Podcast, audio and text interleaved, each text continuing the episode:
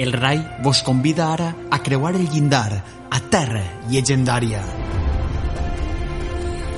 Així trobaràs les històries i llegendes més insòlites de les nostres terres.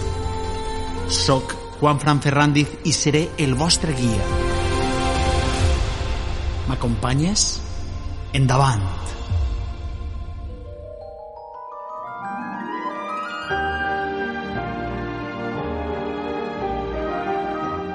Històries per a riure.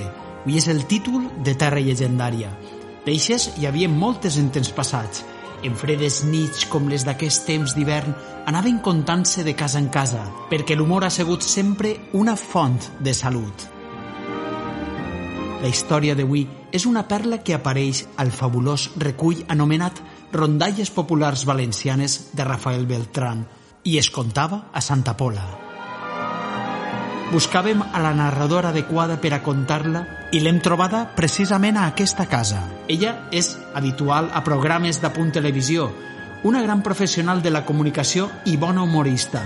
És un honor escoltar aquesta divertida rondalla amb la veu de Xus.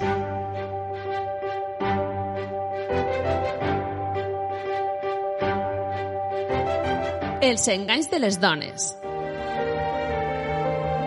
A Santa Pola diu que hi havia tres matrimonis que eren veïns i amics de tota la vida.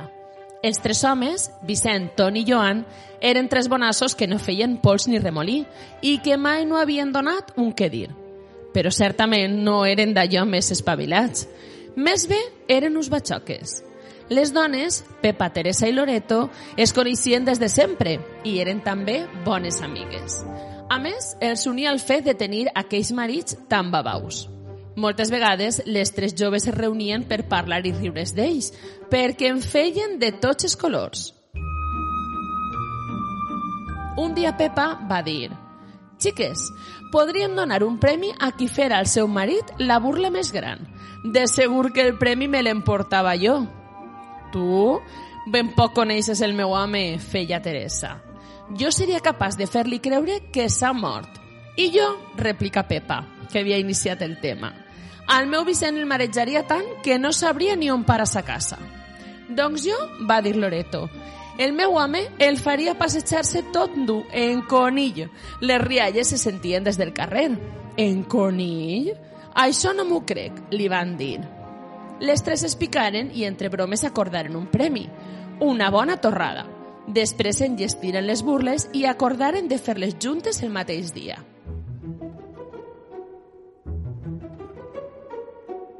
El dia assenyalat, Pepa, Teresa i Loreto esperaven els homes cadascuna en sa casa. Primer va arribar Vicent, a poqueta nit.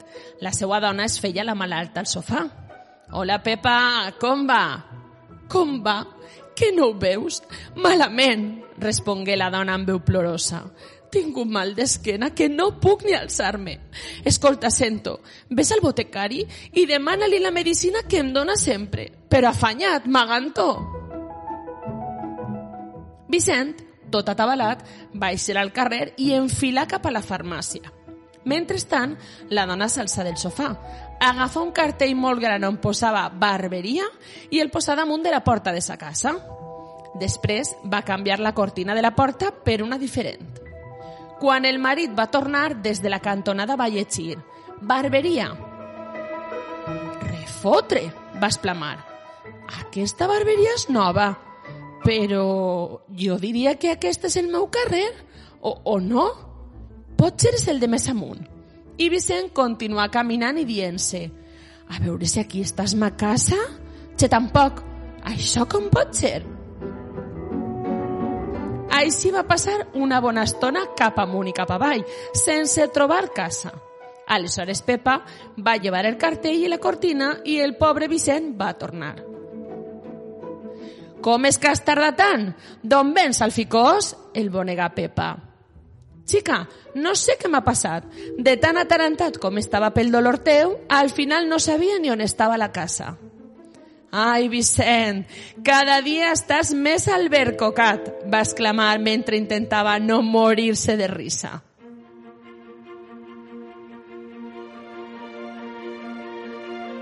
Ben a prop d'allí, a casa de Toni i Teresa, el matrimoni sopava tranquil·lament i de sobte la dona comença a plorar i a fer crits.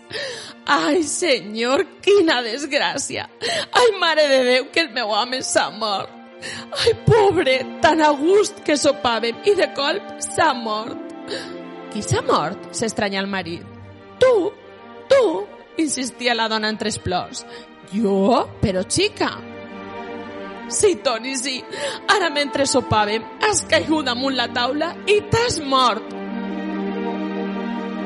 L'home la mirava bocabadat i li va dir «Però com és que puc parlar amb tu?» «Això són coses de l'altre món», li va respondre la dona plorosa. «Ala, xitat, que t'he de fer el velatori i han de venir els amics a dir-te adeu. Xitat, Toni!»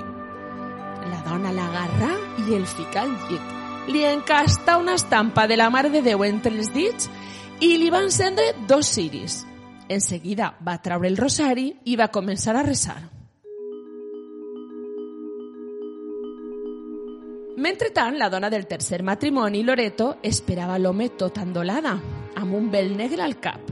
Quan el seu home Joan va arribar, no el va deixar ni parlar, Joan, li va dir ella, ràpid, vine a vestir-te i posa't la jaqueta i els pantalons dels diumenges, que anem al velatori del teu amic Toni. No digues barbaritats, si fa un moment parlava amb ell. Ei, coses de la vida, li deia la dona. Ha sigut de colp, mentre sopava. Sense deixar-lo parlar, Loreto se l'emporta a l'habitació per ajudar-lo a despullar-se i quan l'home era tot nu, li va dir «Ala, anem, que els esperen!» Però, xica, si no vaig vestit, va dir Joan. Com vols que isca en conill? Sí que vas vestit, que portes la roba nova. El que fa és que no la veus a causa dels nervis. Vinga, afanyat, que ens trobaran a faltar. La dona l'estira del braç i al carrer. I Joan, mireu si el cas és gros, va eixir al carrer tot nuet, en curiós, com diuen a Santa Pola. Per sort, ja era de nit, de seguida van arribar a casa de Toni on ja estaven els altres amics, Vicent i Pepa. Naturalment, Teresa plorava com una madalena. Ai, Joan! Ai, Loreto! Quina desgràcia més gran! Heu vist? Ai, el meu home! Tan bo com era! I a tot això, Joan passejant-se en conill per tota la cambra. Les dones havien de dissimular el riure més plors i perquè feia el mort, allà estava, enmig del llit, tot estirat, amb l'estampeta a les mans i fent cara de... de mort, com calia. Al fill Joan, tot nuet, s'acosta al llit per mirar el seu amic. Llavors Toni, o siga el mort, entreobria els parpalls per veure qui era i en veure l'amic dret al seu costat i en conill va dir Che, Joan, si no fora perquè estic mort, jo diria que vas en conill. Aleshores les dones esclataren a riure amb unes rialles tan grans que s'ofegaven i els albercocs dels marits van caure de la figuera i s'adonaren de l'engany que els havien fet. Diu que els homes s'enrabiaren un muntó però finalment feren les paus i soparen tots sis en bona companyia. I a l'altre dia, les dones no sabien quina burla havia estat la millor, ni per tant qui s'havia d'emportar el covejat premi. Però durant molt temps vam riure prou i massa.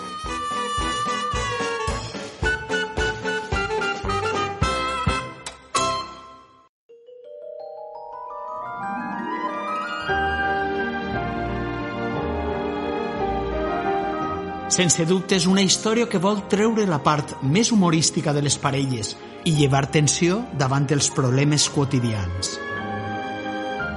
L'esquema de tres, tan habitual en les rondalles i llegendes, així es repeteix en tres matrimonis, on cada marit cau en l'engany de la seva dona. A un el fan creure que sa casa no es troba on sempre, l'altre creu que ha mort i el tercer arriba a anar sense roba pensant que es troba vestit. Segons els experts, l'engany de les dones és una rondalla excepcional de la nostra tradició.